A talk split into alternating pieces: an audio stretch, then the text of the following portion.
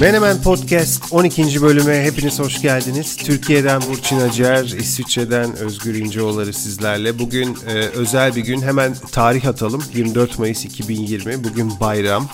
E, tabii size bu bölümü ulaştırdığımız gün itibariyle konuşursak e, geçmiş bayramınız kutlu olsun diyoruz. Günleriniz mutlu olsun.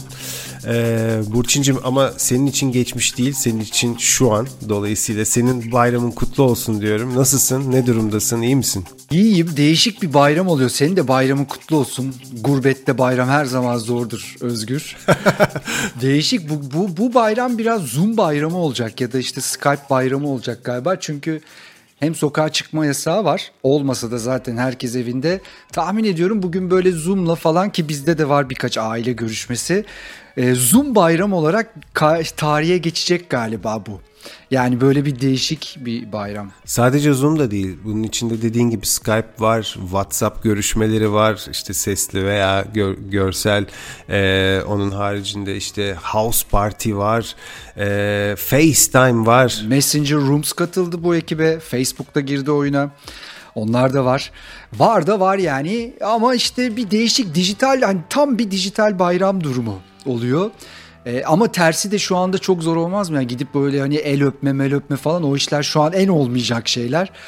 O yüzden de belki de iyisi oldu diye düşünüyorum. Dijital bayram çok değişik bir konsept oldu hakikaten. Yıl 2020'de dijital bayram. Herkes dijital bayramlaşıyor. Mesela bir şey soracağım sana. Ee, Ömer yani senin çocuğun için söylüyorum. Onda böyle sendeki kadar bir bayram şeyi var mı? Yani mesela bugünün bayram olduğuna dair ekstra bir heyecan, bir bir duygu hissediyor musun? Yoksa onun böyle yavaş yavaş bizden daha fa- daha da eksik bir şekilde yaşandığını mı düşünüyorsun? Ee, zor bir soru. Açıkçası çok böyle bir coşku görmedim onda ama e, bir yandan bizim tabii Türkiye'de olmamamız sebebiyle bir yandan e, işte bu yaşadığımız günler sebebiyle böyle tabii ki coşkuyu içten hissedemedik. Hani bu sadece onda onun için de geçerli değil benim için de geçerli tabii yani hani e, hani derler ya yaşlılar ya da işte büyüklerimiz e, işte eski bayramlar yok artık. E, doğrular doğru haklılarmış gerçekten öyle. E, eskisi gibi hissetmedim ben yani. Tamam üstümü e, özen gösterdim işte kıyafetlere vesaire e, o tip şeyler yaptık ama dediğin gibi hani o coşku yoktu. Evet evet orada bir erozyon var. Bu da onu belki biraz fazlalaştırdı. Neyse tabii o apayrı bir konu ee, ki şu anda bizi dinleyenler için bayram çok geçmiş olacak. O yüzden de e, geçmiş bayramlarını kutlayarak ileriye doğru gidelim. 12. bölümü şöyle bir açalım senle. Şimdi 12. bölümü açalım. Ee, biraz böyle birkaç öncesine birkaç bölüm öncesine gidelim. Biraz açıklamalar yapalım. Ee, şimdi biz en son seninle sadece baş başa yaptığımız programların üzerinden bayağı geçti. Yaklaşık 5-6 tane bölüm konukluydu. Bu konukları kısaca hatırlayalım. Önce e, Yiğit Tartan Burak Mudun ikilisiyle başladık bir bölüm yaptık öyle. E, 9. bölümümüz onlarlaydı. Onun ardından e, dedik ki yani bu, bu tabii konuklu bölümlere geçişimiz hani biraz arkadaş sohbeti olsun. Hepimiz karantinada biraz daraldık. E, dertleşelim e, e, kaygısıyla yola çıkmıştık. Yiğit Tartan Burak Mudun'da başladık. 9. bölüm onlarla yaptık. 10. bölümü e, Özde Çolakoğlu'nu ağırladık. 11. bölümde 3 kişi düşünmüştük. E, bir bölümde 3 e, e, dinleyicimizi, üç arkadaşımızı ağırlayalım demiştik. Ancak sohbetler o kadar güzel ilerledi ve uzadı ki kıyamadık kesmeye onları. Dolayısıyla 11. bölümü 3 ayrı kısım olarak kaydettik. Şansımıza üçü de ayrı yerlerdelerdi. Nihal Ankara'dan, Esra İsveç'ten, Neylan da Amerika'dan katıldı. Onlarla konuştuk, onlarla sohbet ettik. 11. bölüm böyle 3 ayrı kısımdan oluşuyordu. 12. Ee, bölüm demedik bir yeni bölüm yaptık onu e, tabii ki geçen e, hafta paylaştık e, sevgili Pınar'la o ayrı bir konsepte evrildi ayrı bir içeriğe evrildi dolayısıyla ona ne dedik? Menemen Lavzava mı? Evet bir dedik onun devamı gelecek dolayısıyla e, onu başka bir e, başlık altında sayıyoruz dolayısıyla bu bölümümüz 12. bölüm olarak devam ediyor. Evet biraz karıştı işler ama bundan sonra normal bir sıralamayla devam edecektir. Şimdi bu dertleşme ile ilgili bir kere şunu söyleyelim bizim e, hala bu dertleşme biraz da kavuşma bizim bu menemene başlama amacımız en baştan beri söylüyoruz buydu. Hani bizi daha fazla insan dinlesinden öte zamanında bir şekilde bizi dinleyenler, arada bizi kaybedenler, bizim de kaybettiklerimiz şöyle bir bir araya gelip kavuşabilir miyiz diye. Öyle de oldu ve hala da bununla ilgili bizimle bağlantı kurmak isteyenler var.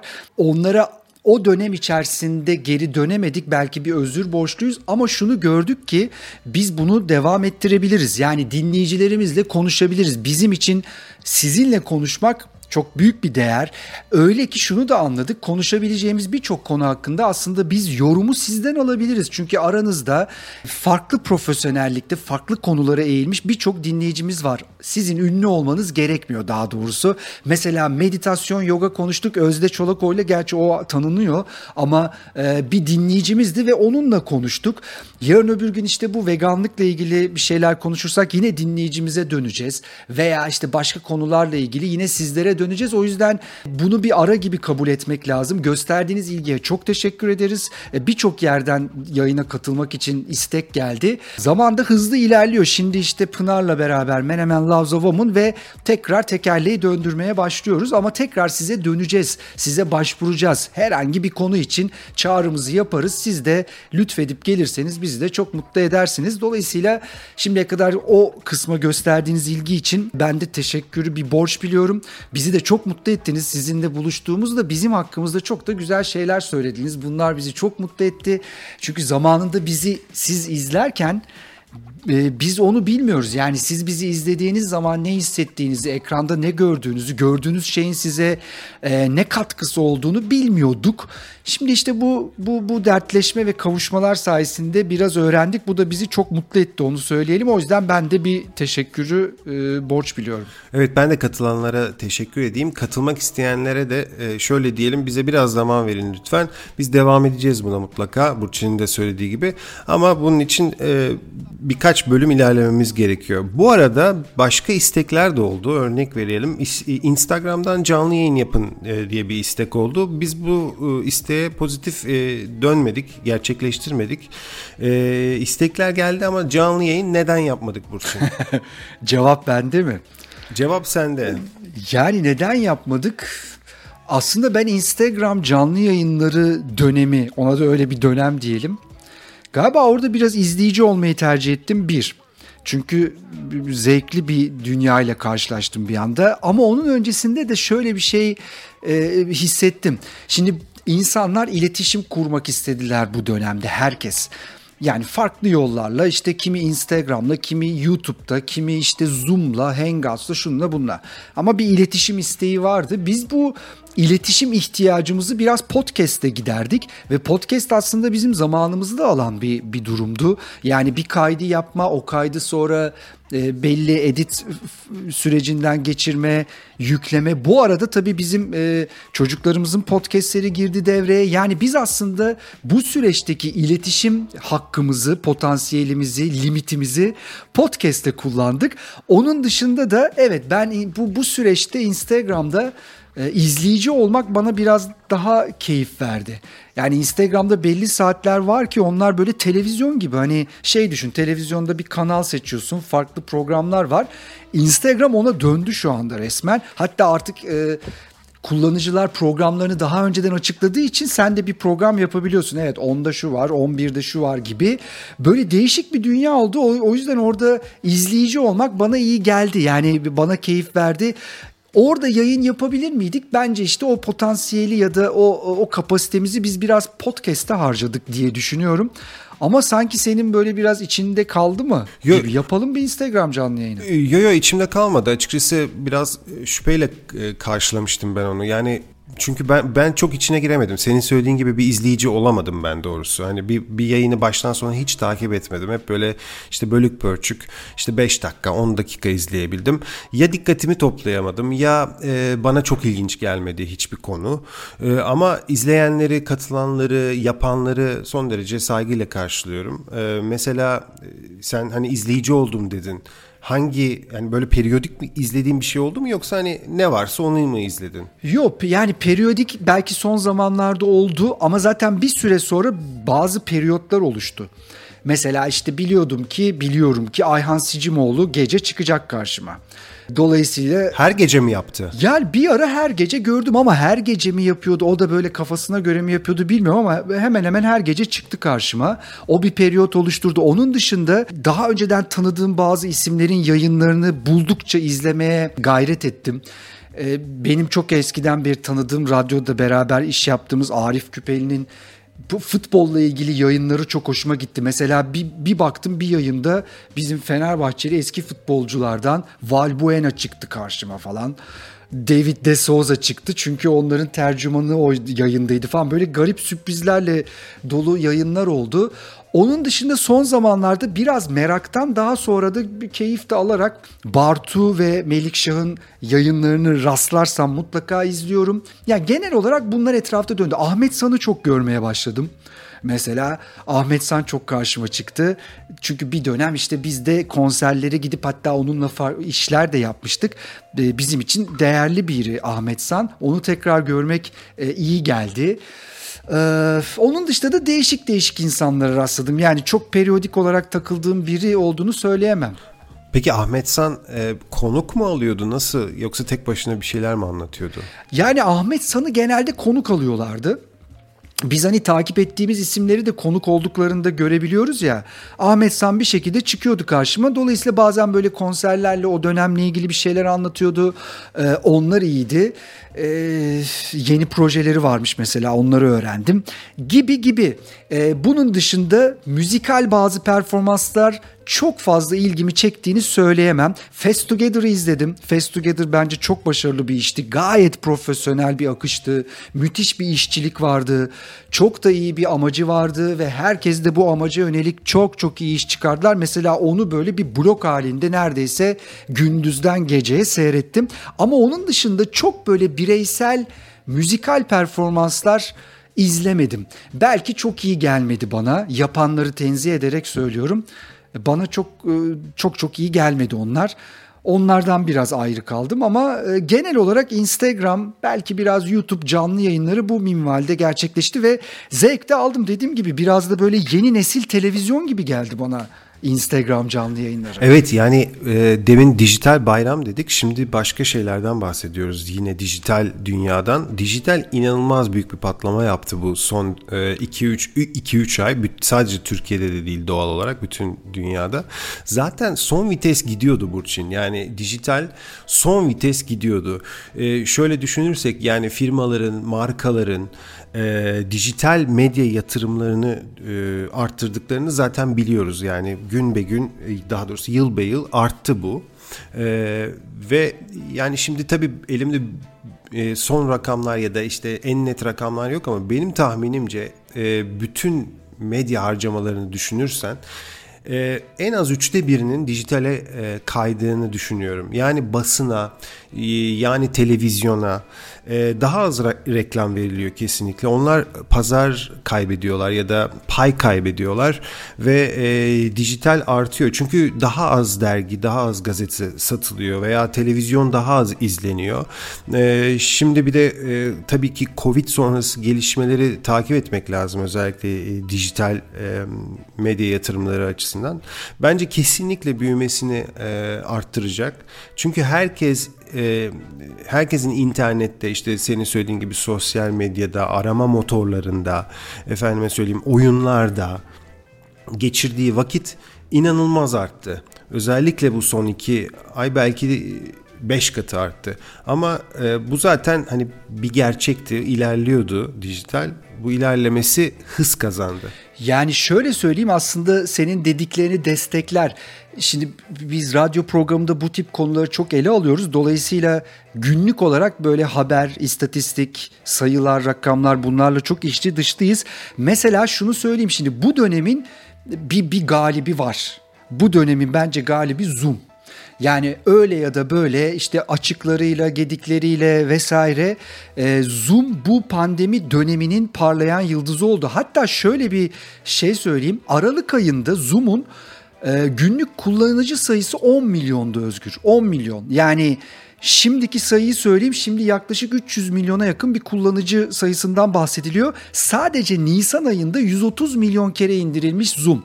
Aralık ayında 10 milyon tekrar oraya dönünce farkın ne kadar büyük olduğunu görüyoruz. E, sadece Zoom değil aslında tabii bence bu dönemin galibi Zoom. Çünkü Zoom'dan sonra herkes oyunu biraz farklı oynamaya başladı. Mesela Google Meet şimdi devreye girdi. Eskiden paralıydı. Şimdi onlar da parasız yaptılar çünkü karşılarında Zoom gibi bir rakip var. Onun dışında bak Facebook tabii durur mu? Hiç böyle bir yerde bir pasta bir heyecan varsa Facebook oraya dalar. Hemen Messenger Rooms'u açtı. İşte 50 kişilik görüşmeler vesaire. O da o pastadan pay almak istiyor. Ee, Microsoft'un Teams'i var. Ve bunun gibi birçok uygulama var. Bak WhatsApp'tan, FaceTime'dan konuşmuyoruz ki onlar hayatımızın vazgeçilmeziydi. Yani bu dönem mesela ilerleyen dönemde de bu video konferans uygulamalarının canlılığını koruyacağını düşünüyorum. Çünkü şöyle düşünelim. Eğitim de oradan yapılıyor. İş görüşmeleri de oradan yapılıyor. Büyük projelerin aktarımı da oradan yapılıyor. Yani bu böyle geriye o 10 milyon seviyelerine pek de inmeyecek. Şimdi bir böyle bir e, Şampiyonlar Ligi grubu var. Bir başka Şampiyonlar Ligi grubu oyun dünyası senin de bahsettiğin. Daha önce zaten aynen söylediğin gibi bunun ipuçlarını alıyorduk, veriyorduk. Mesela Twitch zaten yükselen bir değerdi. Twitch üzerindeki oyun kanalları yaklaşık bir 1.50 milyar saat izlenmiş bu pandemi döneminde. Bir de Twitch'te artık oyun dışında da kanallar açılabiliyor. Onlar da aşağı yukarı bu kadar izleniyor ve Twitch'in arkasından gelen mesela Facebook Gaming'de e, büyüme oranını 3'e katladı bu pandemi döneminde. Oyun dünyası gerçekten büyük bir ivme kazandı. E, ben bunu kendi hayatımdan da görüyorum. Daha önce arada bir mobilde basit oyunlar oynarken şimdi biraz oyun tercihlerim veya seçeneklerim değişti. Hatta en son Epic Games GTA'yı bedava indirerek onlar da bu ligde hızlı bir giriş yapıp bir pay almaya çalıştı. Yani dijitalde gerçekten bundan faydalanan mesela Netflix gibi, Disney Plus gibi bu televizyon, dizi, film izlediğimiz yerler de çok pozitif etkilendi. Yani Disney Plus bir girdi şeye, sektöre bir anda abone sayısı müthiş bir yere geldi. Netflix'te e, ciddi bir yarış haline girdiler. Bunlar Şampiyonlar Ligi kazanan grupları. Bir de düşenler var. UEFA Avrupa Ligi diyeyim. Mesela Tinder can çekişti. Çünkü yani Tinder'ın ana olayı işte sıcak ilişkiler yani insanlar bir şekilde birbirlerini davet edecekler, görüşecekler, el sıkışacaklar falan her neyse. Sarılacaklar. E tabi şimdi sarılacaklar, bir hasretleşecekler. Tinder ne yaptı bununla başa çıkmak için? İlk önce video konferans uygulamasını tanıttı. Yani bunu devreye alacağını söyledi. Yani dedi ki tamam bir araya gelemiyorsunuz ama böyle videoyla da hasretleşebilirsiniz. Ee, bir de şey yaptı Şimdi biz olmadığımız için Tinder'da çok bilmiyoruz bu dinamikleri. Mesela sen şimdi Tinder kullansaydın ya da ben sadece kendi bölgemdekilerle bu ilişkiyi kurmak üzerine bir e, hakkım vardı. Premium üye işte global olarak bu pencerenin açılması mümkün değildi. Şimdi onu herkese açtılar. Yani sen Tinder'ını açtığında artık sadece İsviçre, ben sadece Türkiye değil, dünyanın dört bir yanındaki insanları görebiliyorum. Ama bunlar tabii çok yeterli olmadı. Belli mi oranlarda bir düşüş var Tinder'da. Yani bu işin evet dijitalde çok kazananları var, e, tökezleyenleri var. E, bunun dışında da sosyal medya uygulamaları işte Twitter mesela bence Twitter da iyi bir sınav verdi. Özellikle son mesaja istediğim kişi cevap versin, istediğim istemediğim kişi cevap vermesin gibi bir takım hamlelerle e, kullanılma sayısını çok daha sağlamlaştırdı. Benim gördüğüm genel dijital e, şey bu. E, dijital ligde en azından son durum bu. E, dijitalde bile kaybedenler var diyorsun. Şimdi tabii e, şöyle de bir şey eklemek istiyorum buna. Şimdi mobil cihazlar çeşitlendi. Ee, bunun haricinde mobil işte telekomünikasyon hizmetleri gelişti ki biliyorsun 5G yolda yakında başlayacak. Yani her an her yerde nerede olursan ol müzik dinleyebilirsin, film izleyebilirsin, dizi izleyebilirsin, oyun oynayabilirsin. Bu gerçekten inanılmaz. E, yani bundan mesela çok değil 20 sene önce anlatsak e, belki de insanlar inanmazdı. E, şimdi ben de şeye baktım sen çok güzel rakamlar verdin. Şunu araştırdım ya bu pazar ne büyüklükte yani işte oyun, video, müzik bu pazarın e, büyüklüğü ne? Ee, biraz zor buldum bu rakamı ama önümüzdeki yıl 439 milyar dolar diye bir rakam buldum. Ee, böyle tahmin ediliyor. Yani önümüzdeki yıl bütün bu pazarın toplamının 439 milyar dolar olacağı tahmin ediliyor. Şimdi bu gerçekten müthiş bir toplam ve tabii ki senin söylediğin firmalar işte markalar hepsi bundan pay çalmaya çalışıyor. Farklı farklı şirketler var. Şimdi hepsinin aslında hedeflediği şey ne biliyor musun aslında? Tüketicinin dikkati yani dikkat. Çünkü e, evet yani insanların dikkatini hedefliyorlar. Bu aslında çok derinlemesine konuşulabilecek bir konu. Hatta bunun üstüne ekonomistlerin çok çalışmaları var. Ama dikkat ekonomisi diye de bir kavram var. Yani şimdi e, ben hani ekonomistlerin alanına pek giremem ama hatırladığım kadarıyla şöyleydi. Yani insanın dikkati bir kaynaktır ve ben senin dikkatini yakalarsam sana bir aksiyon aldırabilirim. Dolayısıyla bunun da bir değeri vardır. Bunun da bir ekonomik değeri vardır. Tabii ki bütün firmalar bu şekilde dikkati kavramaya çalışıyorlar ve bu 439 milyar dolar ne kadar e, gerçekleşir gerçekleşmez e, emin değilim ama buradan ben de bir pay çalabilirim. Bütün firmaların, bütün markaların hedeflediği bu aslında. Aslında işte o çok doğru. Bu dikkati dağıtıcı da o kadar çok uyarıcı var ki artık. Yani biraz ben bu podcast'in e, yükselişinde böyle bir e, böyle bir arayışın da e, etkili olduğunu düşünüyorum. Yani biz son böyle yıllarda, son 10 yılda diyelim inanılmaz bir görsel şeye e, baskıya maruz kaldık. Yani her yerden göster, görsel. YouTube patladı, videolar, kısa videolar, atınca kaybolan videolar falan filan ama her yerden görsel ve çeşit çeşit. En son giflere kadar da şey oldu yani artık saniyelik şeyler çıkmaya başladı. Yani görsel açıdan uyarıcıya doyduk gibi bir şey. O yüzden işitsel bir uyarıcı veya işitsel bir kaynak bize temiz geldi. Bence podcast'in özellikle bu pandemi döneminde de tercih edilir olmasının sebeplerinden biri bu. Daha kirlenmedi audio dünyası. Video kadar da kirlenmeyebilir. Tabi burada da belli başlı oyunlarla bu dikkati celbetmek için e, farklı şeyler olabilir ama e, galiba biraz bu audio ve podcast dünyasının buradaki yükselişi e, o videonun ve o uyarıcının bizi hayli yormasıyla da alakalı olabilir. Gerçekten video konusunda e, yorulduğumuzu söyleyebiliriz. E, ama tabii bunlar da değişebilir. Yani yarın e, hem video hem audio yoracak. Belki o zaman başka bir format çıkacak. Daha farklı şeylere evrilecek. Ama dediğin gibi bu dikkati e, dikkati yakalamak bir profesyonellik aynı zamanda. Yani profesyonelce bir bakış açısı gerektiriyor. Aynen profesyonellik ve zaten bir de sebep lazım. Yani insanın dikkatini yakalayabilmen için ona bir sebep vermen lazım. O sebep de nedir? İçeriktir. Yani içerik vermen lazım ki dikkatini yakalayabilirsin. Yani ne bileyim bir film, bir şarkı, bir oyun. Şimdi bunlarla yakalayabiliyorsun. O yüzden Netflix böyle oluk oluk para harcıyor e, bu içeriği sağlayabilmek için işte filmler yaptırıyor, diziler yaptırıyor. En son e, 17 milyar dolar harcayacağız diyorlardı içeriye. Bu tabii ki ilk başladıklarında belki kendilerine özel içerikler yoktu. Yani kendi filmleri yoktu, kendi dizileri yoktu ama ondan sonra başladılar. Yanlış hatırlamıyorsam House of Cards onların ilk yaptığı dizi. Ee, öyle hatırlıyorum. Dolayısıyla e, orijinal içeriklerle kendi platformlarını öyle bir zenginleştirdiler ki senin söylediğin üye rakamlarına ulaştılar. Ha Netflix için bu yıllar sürdü. Çünkü Netflix bir vizyon oturttu. İlk başlattı bu e, streaming kesintisiz video yayınını. Onun belli sayılara ulaşması yıllar aldı. Ama dediğin gibi Disney Plus belki işte geçtiğimiz Kasım ayında e, lanse edildi Amerika'da. E, başka ülkelerde de var şu anda.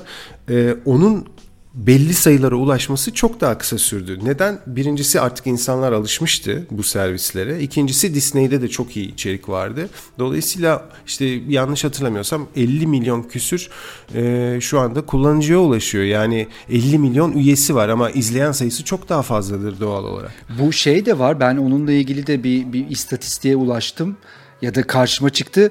İnsanlar bu dönemde yeni abonelikler satın alma konusunda gayet pozitifler ve hatta ilerisi için de yeni abonelikleri açık olduğunu söylüyorlar. Bu geçmişe göre e, değişen bir ivme. Yani işte bir müzik aboneliğim var belki bir dizi veya bir platform abone aboneliğim. Bunlara ikinci, üçüncüyü de ekleyebilirsin. Buna açık insanlar. Bu biraz da aslında ileride biz e, bu hayat tarzı biraz daha genelleşecek içgüdüsü de olabilir. Yani evet ben otururken iyi müzik dinleyeyim, iyi de konser seyredeyim, güzel de bir film seyredeyim, hatta şunu da seyredeyim ve parasını vererek kaliteli bir hizmet alayım.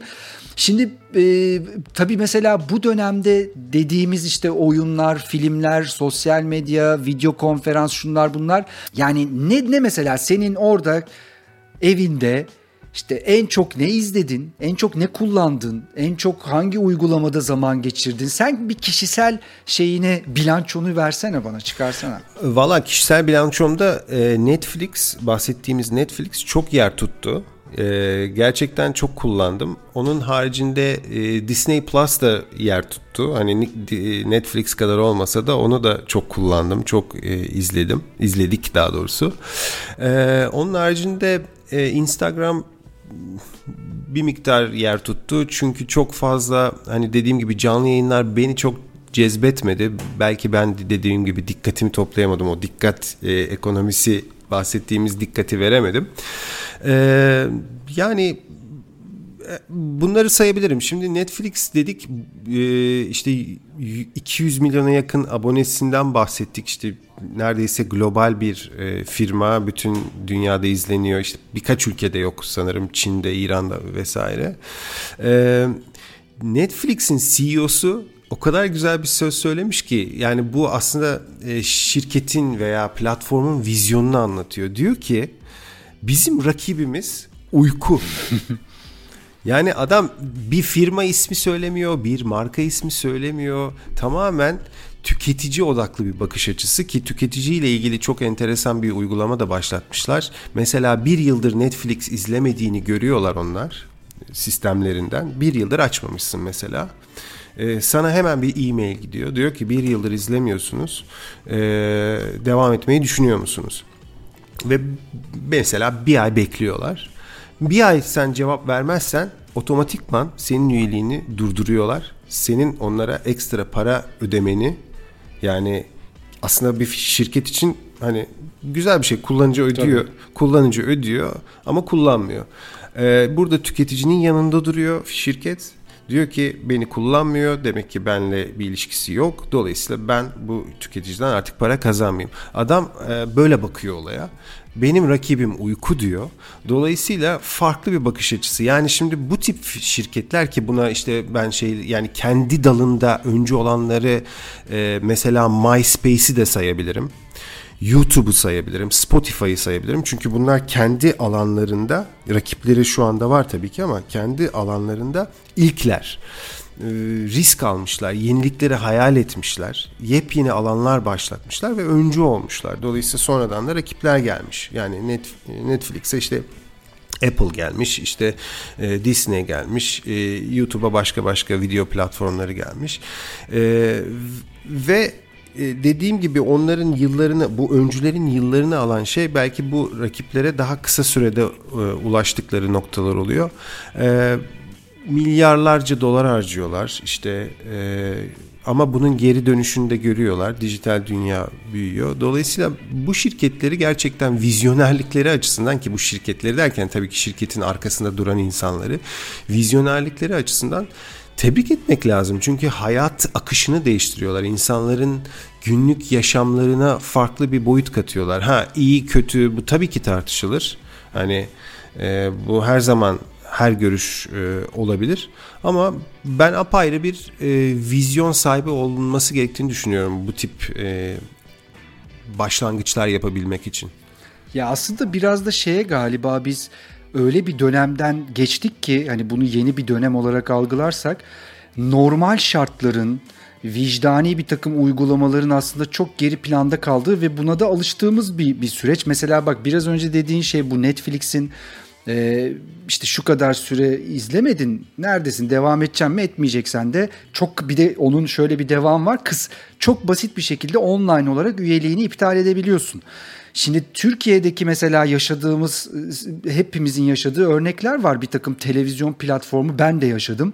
Yani iptal ettikten sonraki süründüğüm şeyi süreci gerçekten bir kısa film olabilir. Yani söylüyorsun fax bak bir de fax ya fax çekiyorsun. Hala bu dediğim büyük platforma. Fax çekiyorsun sonra gidiyorsun kutunu veriyorsun o diyor ki aa ben sana kablo da vermiştim onun parası onun oradan düşüyoruz bunu buradan. inanılmaz bir şey. Şimdi bu ama mesela e, standart bu. Mesela bir, bu sadece o kutu sahibi olan şirket için değil birçok yerde Türkiye'de üyelik iptal etme ya kart bile iptal etme, kredi kartı iptal etme bile çok ciddi bir takım e, süreçler gerektiriyor. Ve biz buna alıştığımız için biri çıkınca mesela Netflix gibi aslında çok insani ve olması gereken bir şeyi söylediği zaman bize mesela müthiş geliyor. Aslında çok standart bir şey söylüyor. Yani şu andaki hayat dinamizmimiz içerisinde bunun böyle olması lazım. Gireceğim, iptal edeceğim, çıkacağım, gideceğim, bitecek. Ama işte biz öyle bir şeye alıştık ki bu şirketlerin, işte büyük grupların bizleri böyle hakimiyeti altına alıp e, onlara bağlanmamızı sağlayıp ondan sonra da ayrılmamamız için işte, ellerinden gelen bütün sert uygulamaları gösterdikleri garip bir döneme alıştığımız için şimdi bu bize farklı geliyor. Aslında normali bu. Onu da söyleyelim. Evet şimdi şimdi e, biraz Netflix reklamı gibi olacak ama bu şimdi ilk başlatan işte 2000 o 2000'lerin ortası yanlış hatırlamıyorsun. Çünkü ilk başta şey diye başlıyor Netflix. Hani DVD kiralama şirketi olarak başlıyor. Yani sen üye oluyorsun. Sana postayla DVD'ler yolluyor. Ondan sonra bir de zarf yolluyor. Boş bir zarf. Sen DVD'leri izliyorsun. Sonra o boş zarfa DVD'leri koyuyorsun. Geri yolluyorsun. Böyle bir sistemle başlıyorlar. Ee, yaklaşık bir 10 sene böyle gidiyorlar sadece Amerika'da. Sonra işte global oluyorlar. Büyüyorlar vesaire. 2000'lerin ortasında e, bu e, streaming başlıyor. E, işte konunun ilki yani hani derler ya ilk hamle avantajı. Şimdi tabii rekabet inanılmaz. Demin rakamı söyledik işte Apple girdi, Disney girdi, HBO geliyor. Haldır haldır böyle arkasından rakipler geliyor. Dolayısıyla ilk hamle avantajını korumak da kolay değil. Ki yani böyle bir şey vardır.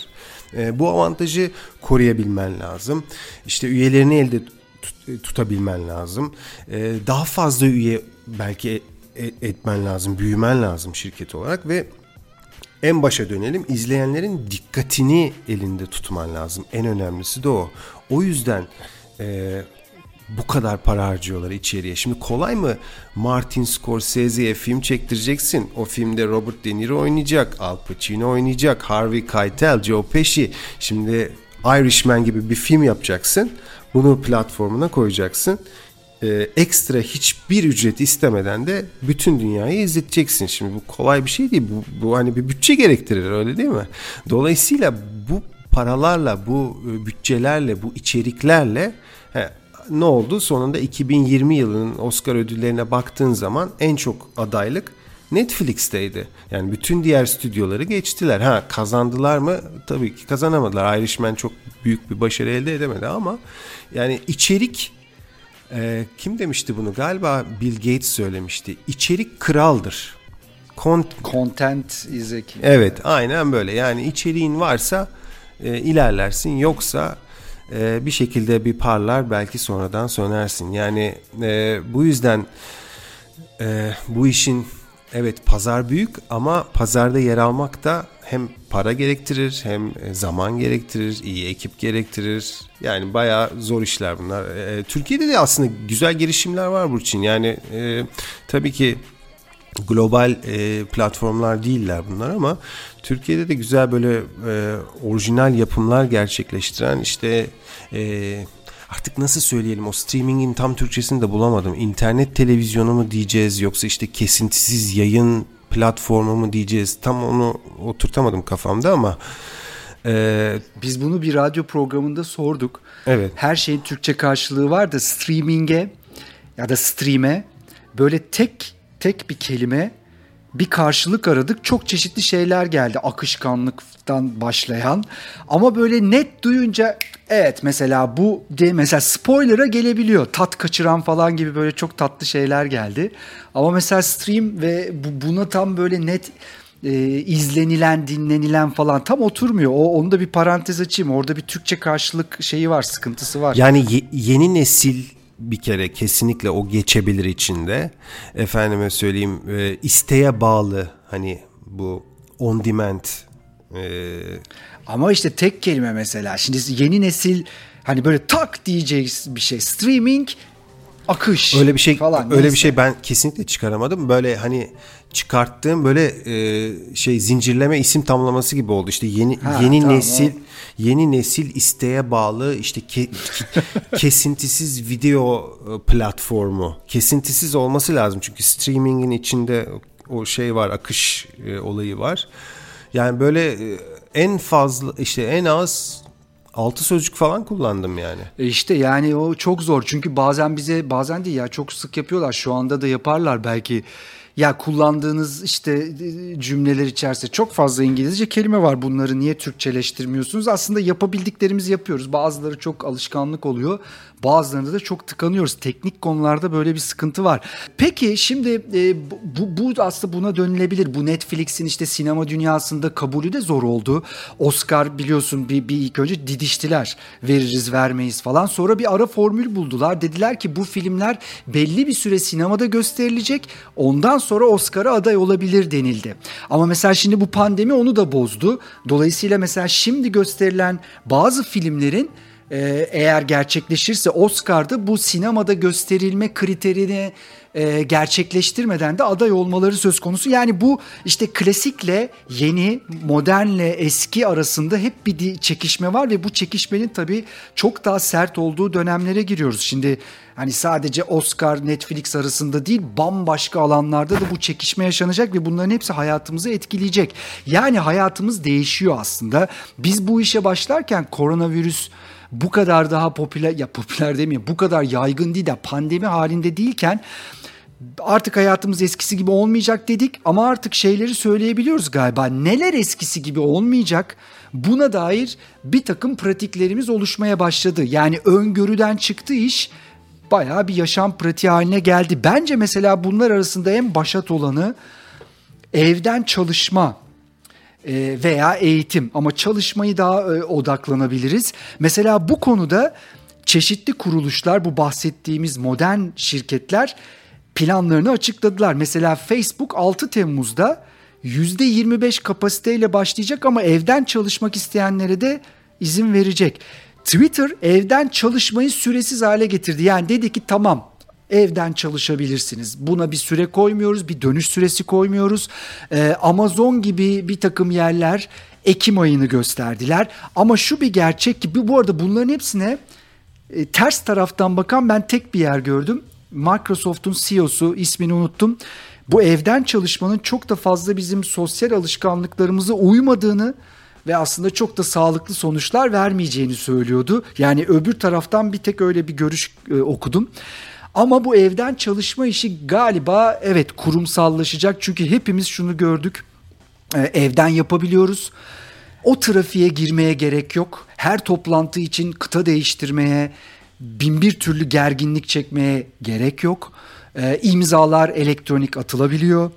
Kayıtlar yapılabiliyor. Birçok şey yapılabiliyor. Yani bunları gördükten sonra insanları tekrar o eski bir takım sevimsiz dinamikler içerisine almak sanırım bana zor e, geliyor ya da bana zor geliyor ama insanlara da zor gelecektir. Kurumlar yavaş yavaş açıklıyorlar. Mesela şeyi de merak ediyorum. Sizin oralarda nasıl durum?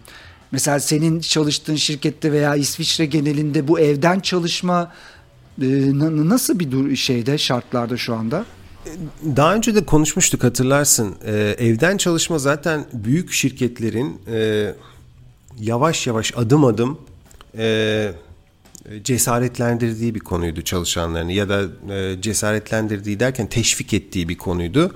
Dolayısıyla e, başlamıştı zaten bu süreç ama çok böyle yavaş adımlarla başlamıştı. İşte böyle mesela e, şirketler şey diyorlar işte ayda bir gün çalışanlarımız evden çalışabilirler. İşte sonra o iki oldu, üç oldu. Sonra dediler ki e, şöyle yapalım yani biz gün sayısı koymayalım. Bu tamamen e, çalışanımıza duyduğumuz güveni gösteriyor zaten. Dolayısıyla çalışanımız onu zaten kendisi ayarlar iş e, akışına göre ve tabii ki departman yapısına göre.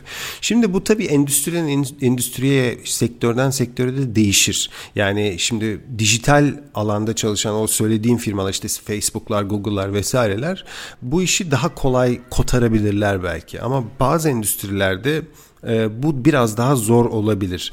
E, benim çalıştığım e, şirkete gelirsek e, yani bizde de başlamıştı ve e, bir kota yoktu e, en son olarak. Yani e, çalışan istediği kadar evde çalışabilir. Yalnız tabii ki bunu bir şekilde e, düzgün bir şekilde ayarlaması isteniyordu herkesin.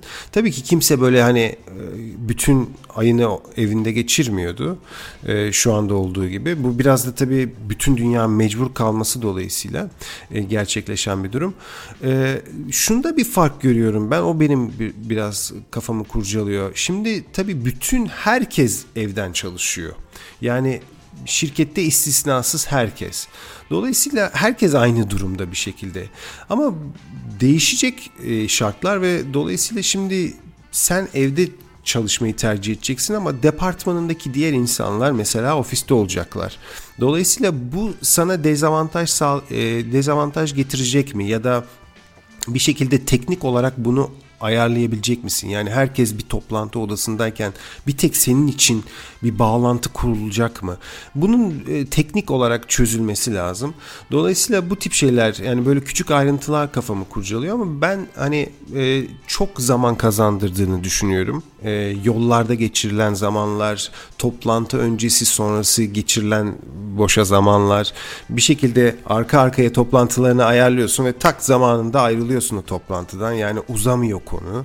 Yani e, bazen hani şey e, kaba tabirle konular lastik oluyor derler ya. Öyle, öyle olmuyor. Dolayısıyla herkes bir şekilde e, zamana saygı duyuyor ve hemen bitiriyor konuyu e, bitmesi gereken zamanda. Dolayısıyla ben çok faydası olduğunu düşünüyorum genel anlamda. E, uygulamalar nasıl olacak o dediğim gibi sektörden sektöre değişir. Bazı sektörlerde hiç uygulanamaz tabii ki.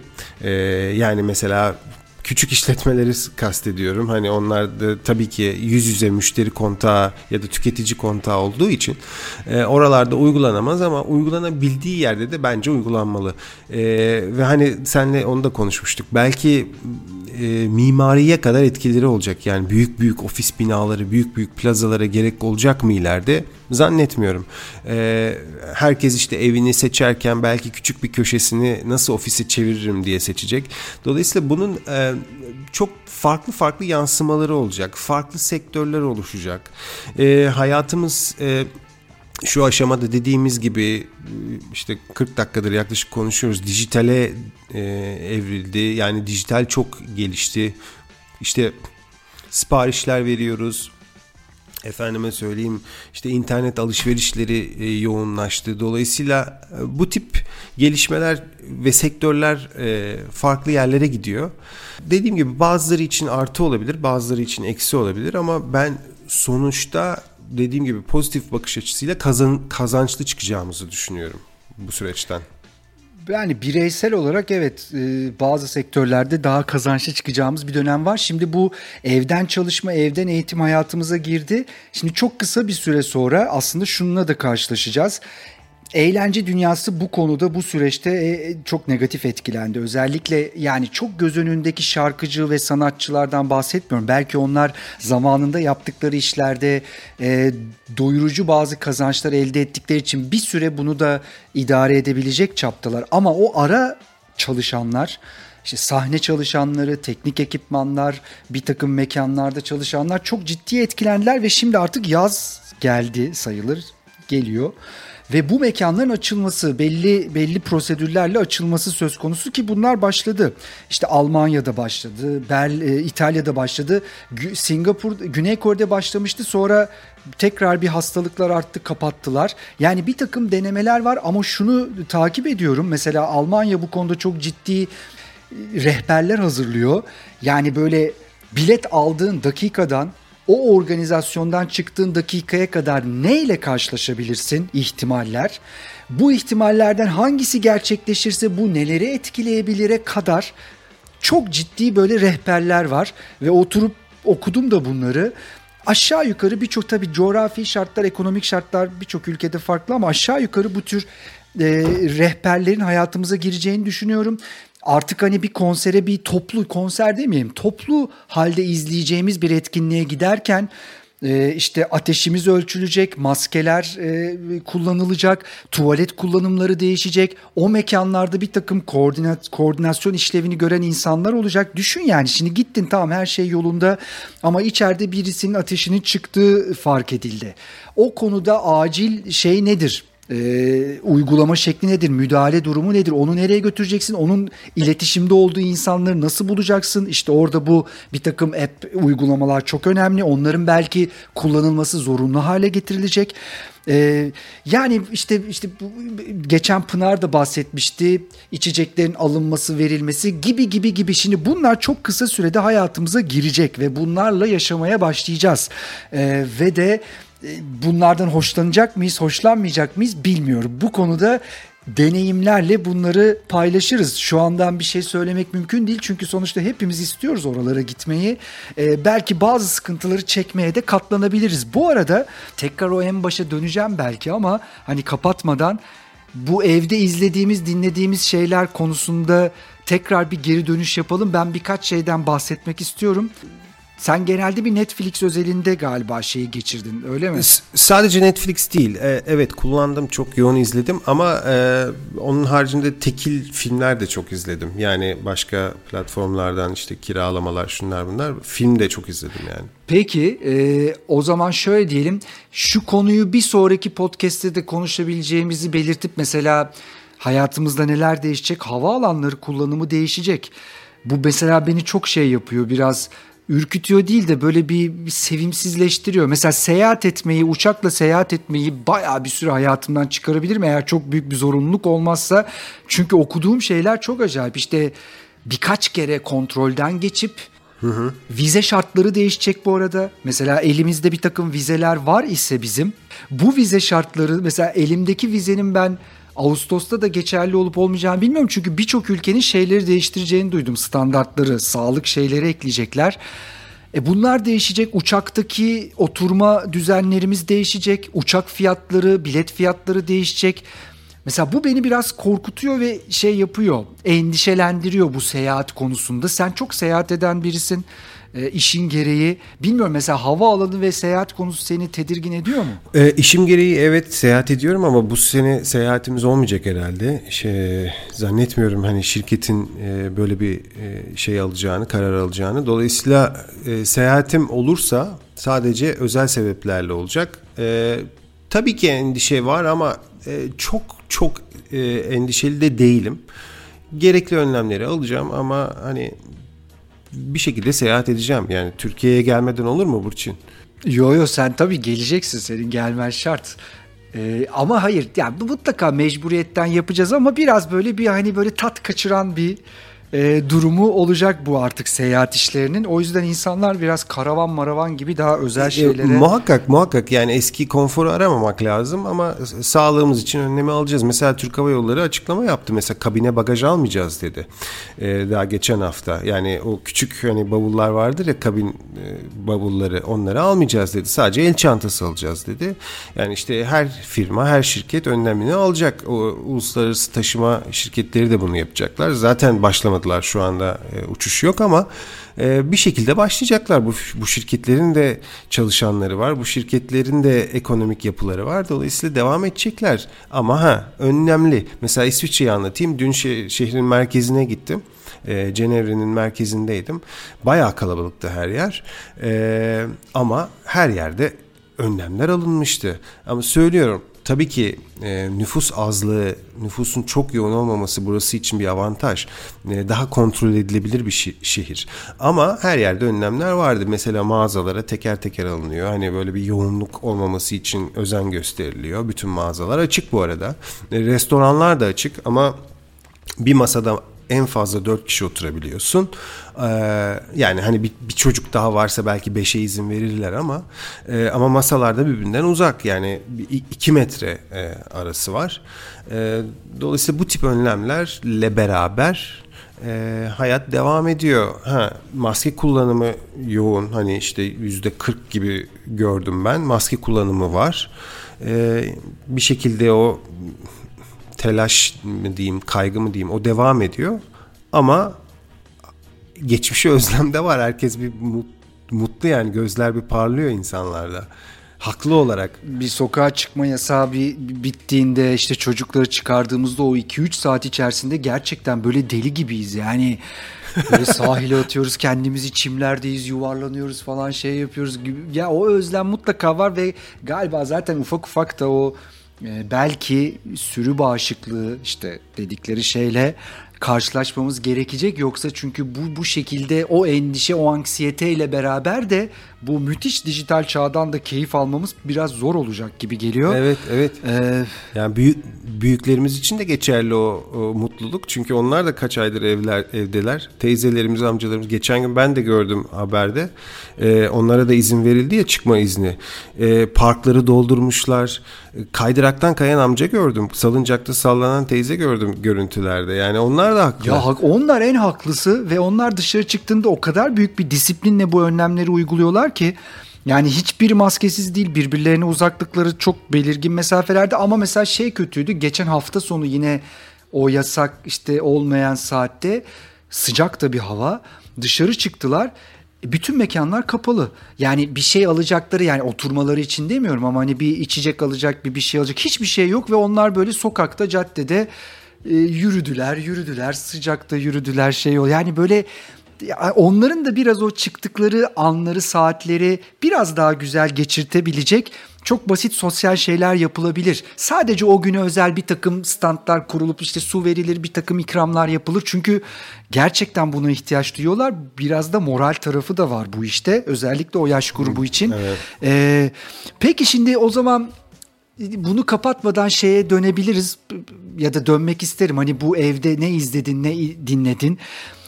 Benim için mesela bu evde geçirdiğim sürecin yine yıldızı Şampiyonlar Ligi galibi Netflix belgeseli Last Dance oldu. Michael Jordan Bravo. belgeseli. Onun haberini biliyorduk. Yani bu belgeselin yapıldığını, elde daha önce paylaşılmamış görüntüler olduğunu, son şampiyonluğa dair böyle bir görüntünün olduğunu biliyorduk. Bunun Netflix'e geleceğini çok bilmiyordum. O sona benim için sürpriz oldu. Ama karşımıza çıkan belgesel pek de öyle son sene belgeseli değil.